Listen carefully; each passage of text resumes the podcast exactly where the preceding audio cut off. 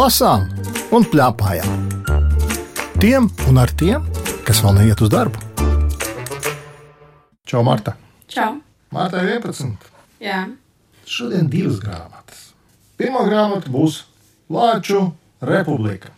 Kā tas ir? Tev nāk rokās jauna grāmata. Ko tu dari vispirms? No sākuma es mazliet viņu pašķirstu un uh, vāku apskatu un uh, izlasu to, kas ir rakstīts aizmugurē. Zini, ko es daru? Es parasti pašķiru pirmo vāku. Un šeit arī tieši kā es pašķiru pirmo vāku, tur man uzreiz parādās zīmējums. Un šajā zīmējumā ir, es teiktu, nolasīšu tiem, kas vēl šo grāmatu nav turējuši rokā. Tur ir uzzīmēti strateģiskās plānošanas ministrs, iekšlietu ministrs, aizsardzības ministrs, deputāte Dimova, ārlietu ministrs un premjerministrs. Ko tu saki, kad tu šo ieraudzīji? No sākuma es domāju, ka grāmata būs par politiku un uh, nu, pārāk gribējās lasīt, jo man nepārāk patīk visas lietas, kas ir saistītas ar politiku. Kāpēc? Kaut kā negribas tur iesaistīties. Bet citi saka, ka politika jau ir tava dzīve. Man liekas, ka pagaidām vismaz manā vecumā nevajag tur iesaistīties. Bet man jāizstāsta tiem, kas mūs klausās, kas tur tajā grāmatā ir. Kāds ministrs, un konkrēti tas ir strateģiskās plānošanas ministrs, nokavē darbu, jo viņam ir traucējis viens lēni pār ielu ejošs lācēns. Ministru kabineta sēdē viņš sāk attaisnoties un rada tādu nēsošu problēmu, ko darīt ar lāčiem. Tad dažādi notikumi ir ar to, un tad tie lāči dibina savu republiku. Nu, uzreiz var teikt, ka viss jau beidzās labi. Ko tu saki, vai es kaut ko nepateicu par šo grāmatu svarīgu? vēl? Nē, nu, principā viss svarīgākais ir pateikts. Un saka, lūdzu, lai šo grāmatu lasītu, tu teici, nu, man tā kaut kā mulsināja tie ministri. Vai tev ir jāzina vispār, kas ir ministrs? Tu vari pateikt tiem, kas pašlaik mūs klausās, un nezinu, nu, viņš ir dzirdējis, jā, pa televizoru tur ir bijis ministrs. Tu vari pateikt tā divos vārdos. Es nepārāk labi varētu saprast, ko nozīmē ministrs, bet man liekas, ka tas ir viens no svarīgiem cilvēkiem valstī. Tieši tā. Vai premjerministrs, jeb ministru prezidents Latvijā, tas ir tas, kas ir priekšnieks par visiem ministriem un priekšnieks par visu valstī. Laikam vairāk jau neko nevajag zināt, lai lasītu šo stāstu. Jā, principā. Kā tev šis stāsts patika? Kad sāku lasīt, man nepārāk patika, jo tur mm, bija runa par politiku un daudz pieminēju šos ministrus, bet uz beigām jau sāka palikt interesantāk, jo vairāk bija par tiem lāčiem. Tad, tomēr lāči ir interesantāki par ministriem. Jā, Man te jāpievienojas. Es nepieminēju šausmīgi svarīgu lietu. Šīs grāmatas autors ir Juris Zvirgsniņš un ilustrācija autora Līva Ozola.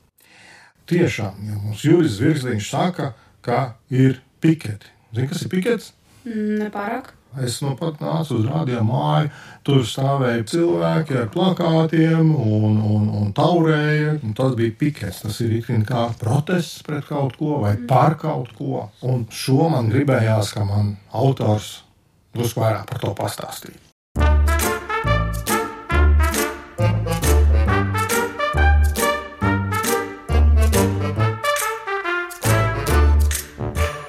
Gabaliņu tu esi izvēlējies no šīs grāmatas? Palasīt. Es esmu izvēlējusies gabalu, kurš vairāk jau iet uz beigām. Jā. Negaidīta dāvana, viesi un laimīgas beigas. Vasara gāja uz beigām, naktis kļuva vēsākas, apkārt slinki lidinājās pēdējās mušas, nekur nederīga lidoņa. Atgaiņādams no degungala kādu sevišķi nekaunīgu mušu rūca mazais latēns eisbijs. Pat meļu nest viņas nemāk. Lielie lāči vāca zemes krājumus, ogas, sēnes, mazos paradīzes abolīšus. Var jau būt, ka parasti lāči ziemā guļ, bet šie lāči, būdami pilsētnieki, par ziemas guļu pat nedomāja. Laiku pa laikam viņus apciemoja vecais laupītājs Indra. Tad visi sapulcējās ap ugunskura, dzēra tēju, ēda Eleonoras kundzes steptās medus kūciņas un klausījās vecā laupītāja stāstus. Reizes kāpēc Inģa pieminēja futbola spēli, ko bija noskatījies jaunībā. Te kājās piecēlās Fēlisa kungs un ieaurojas. Beidzot es sapratu, kā man visu laiku te trūkst. Futbola! Visi noplētīja rokas un ķepas. Kā nu šeit nebija? Tā nebija. Būs! klusībā izlēma Eisbīs, un jau nākamajā dienā sāka vākt futbola komandu. Jāsaka, pat veselas divas. Lāči spēlēšot pret vilkiem. Klusībā viņš sapņoja par piedalīšanos Eiropas futbola izcīņā. Diemžēl viņa plāns par futbola komandas sastādīšanu izgāzās. Lielie lāči jutās par vecu, lai skraidītu pakaļ no salmiem un lapām Eisbī uzmeitarotai bumbai. Vilki vienmēr bija aizņemti ar savām gaitām. Pat profesors Muša un Zeķģīns, uz kuriem viņš bija licis vislielākās cerības, atrunājās ar aizņemtību. Līdz ziemai viņa mājai noteikti bija jābūt gatavai. Tā pagāja nedēļas, divas, trīs, un te pēkšņi uz kalnu takas parādījās milzu kastes aizsargs riteņbraucējs. Noņēmis cepuri un slaucīdams svīrus, viņš apjautāja, vai šeit dzīvo cienījamie lāču kungi. Saņēmis apstiprinošu atbildi, viņš izvilka papīra lapiņu un sniedza to Fēliks kungam, lai tas parakstoties par saņemšanu. Viņam esot pasta sūtījums, un viņš esot pasniegts.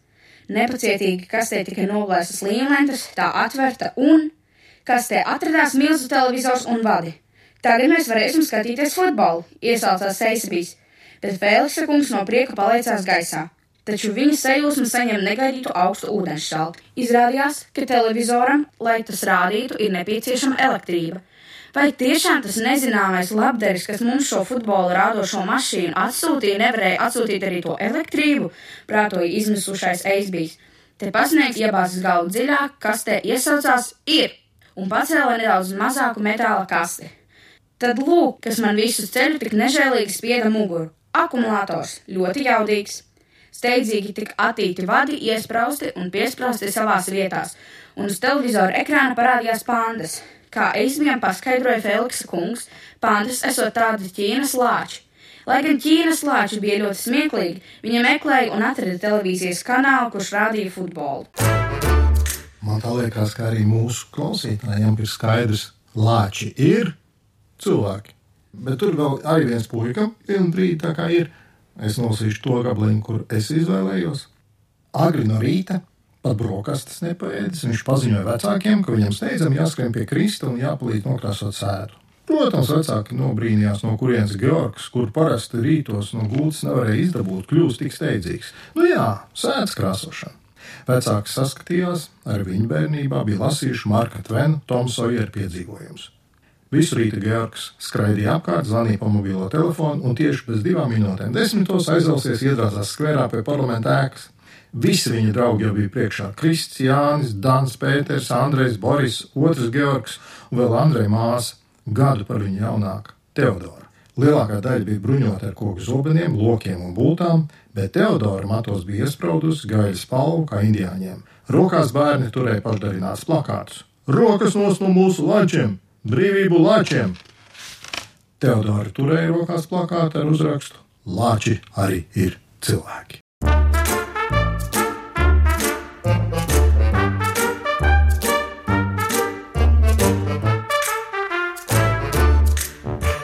Interesanti, ko tā mamma teiks par šo grāmatu.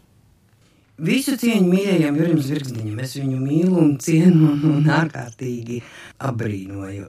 Visu iepriekšējo dairadi Lāču republiku tā fona likās tāda ļoti vienkārša. Īsti nebija kur aizķerties. Mēs ar Martu, protams, apspriedām. Es mēģināju viņai paskaidrot, kāpēc viņai nepatīk tā politikas sadaļa ar tiem ministriem un tam līdzīgi.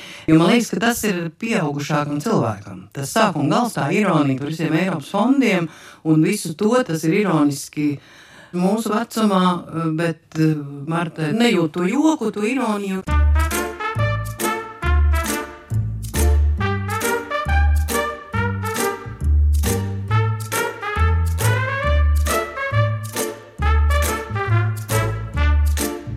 Lasām un plēpājām. Tiem un ar tiem, kas vēl neiet uz darbu. Otra grāmatā, par kuru mēs ar Mārtu šodien runāsim, saucas Mans vectēvs bija ķiršu koks. Tās autore Anģela Nanetī.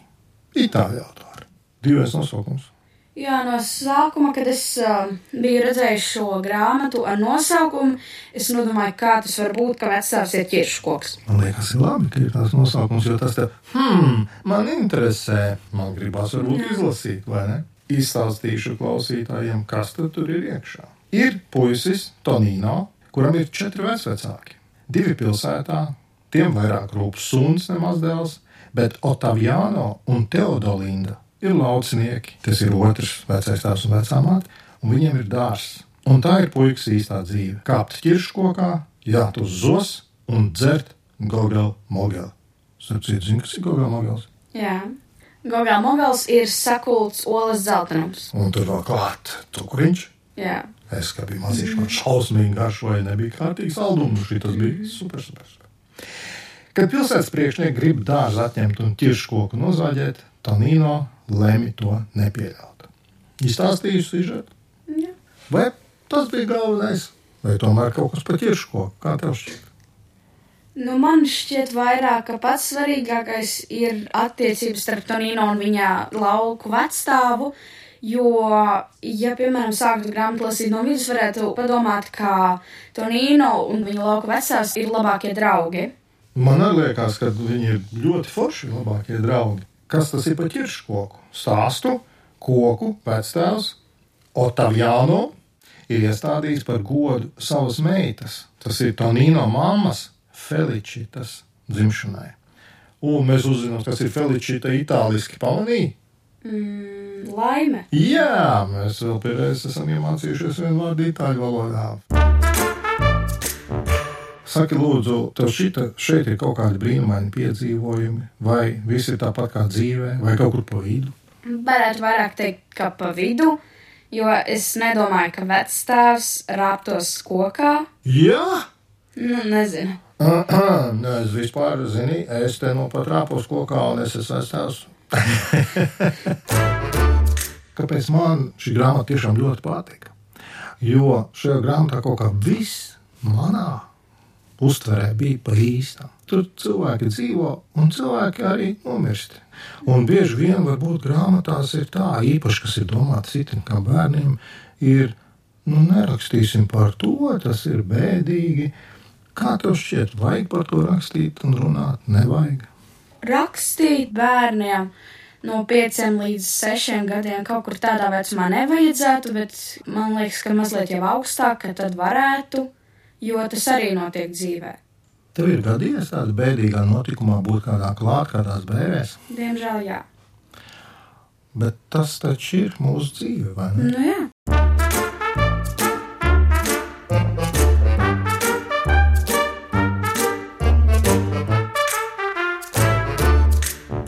Kādu gabaliņu tu izvēlējies no šīs grāmatas?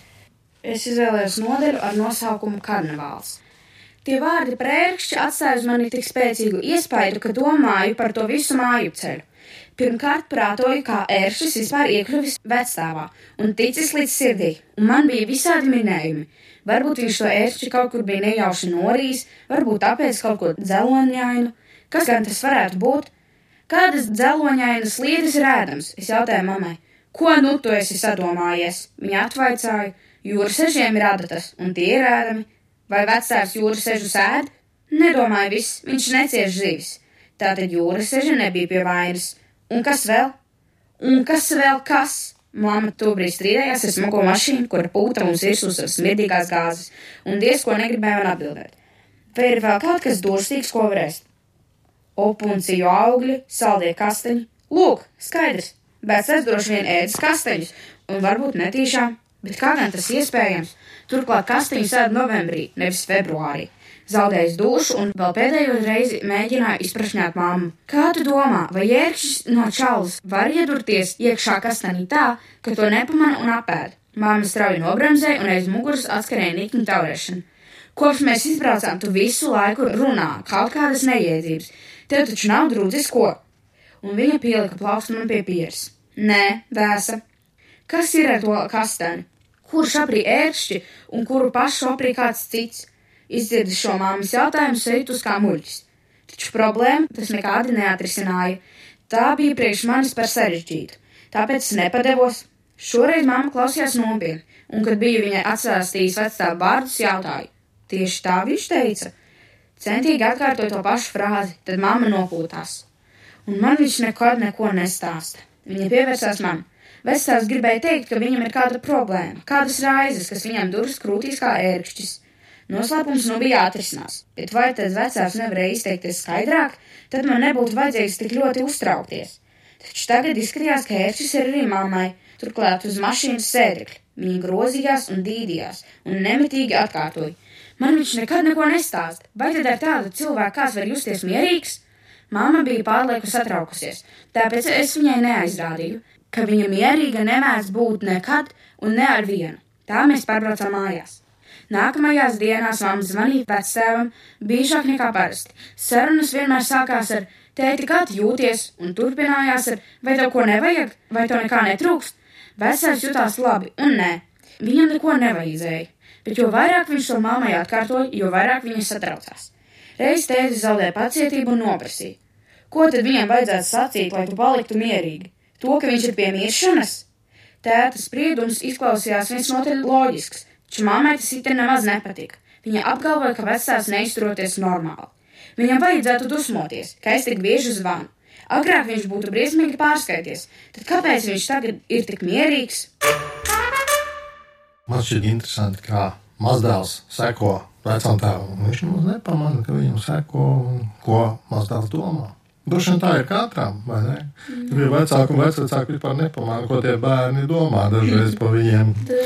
Es te nolasīšu vienu tādu gabalu. Man neliek miera tas gogals mogals. Kad izstāstīja mammai tieši kā vecāks gatavo gogals mogelu, viņa izsaucās: Tas nav iespējams! Trīs reizes! Tiešām trīs reizes! Es nodomāju, ka viņi grib teikt, ka Gogela mogels nevar būt garšīgāks par viņas šokolādes pudiņiem. Un gribēdams viņu mierināt, sacīju, ka arī šokolādes pudiņi garšīgi, un, ja tā labi padomā, varbūt pat tikpat garšīgi kā vectēva Gogela mogels. Taču māma atkārtoja vēlreiz, tās nav iespējams dot vīnu sešus gadus vecam bērnam. Un tad es beidzot sapratu, ka mammai ir iebildumi pret sarkanu vīnu, ko vecāks piešķārs Gogela modelim, un teicu viņai, Bet vecāks stāstīja, ka tādu ēdi arī tu, kad biji maza, un tikai tāpēc tu izaugi liela, jo citādi būtu palikusi sīka kā pudeles korķis, kāda bija, kad piecimi. Man šis gabaliņš šita dubulti interesants ar to, ka vīna nu, pieliek kaut kādam mobilim. Un otra lieta. Te tā gadījās, ka vecāki māca, bet paši nedara to, ko viņi saka. Dažreiz jā. Mm -hmm. Interesanti, ko tā māma par šo grāmatu domā.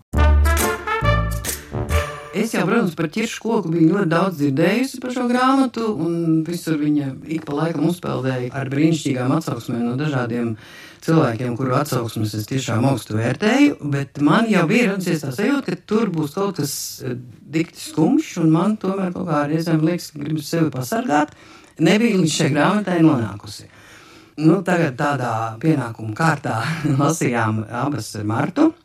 Un zinu, ka beigās abas apraudājāmies. Es pat pabrīnījos, ka Marta arī tas tik emocionāli aizķēra. Jo patiesībā tā ir pilnīgi mūsu situācija. Jo mums arī ir tāda lauka māja, kuru mēs nekad nevienam neatdodam. Mēs esam tiešām pirms gadiem par to runājuši, cik briesmīgi ir, ja tādas mājas, ja tev kāds izdomā tur pārvalst pāri šosei vai Rail Baltica vai kaut ko tādu, un mēs esam abas laimīgi nopriecājušies, ka mūsu mājai tas pagaidām nedraud. Otrkārt, mums tieši tas, ko Marta teica par bērniem, mums decembrī nomira pusvecmāmiņa, varētu teikt, manas māmas māsa. Un tur bija tik skaisti ar to spalvas aizlidošanu, tā metāfora, ko tas puika izdomā. Tā kā mums tas viss tik ļoti kaut kā saskanēja un trāpīja, un mums arī ir koki, kuros var kāpt, un mums ir štābiņš kokā martai ar virvju kāpnēm, tieši tā kā viss kā šajā grāmatā. Paldies, Mārta, par šīm divām grāmatām. Ar Martu sarunājās Lauris Gunders raidījuma redaktora Agita Bērziņa, skaņu režisori Valdis Reitums un Kristīna Dēle. Raidījumu vēlreiz var noklausīties Latvijas Rādio 1 mājaslapā, arhīvā un populārākajās podkāstu vietnēs. Tiekamies!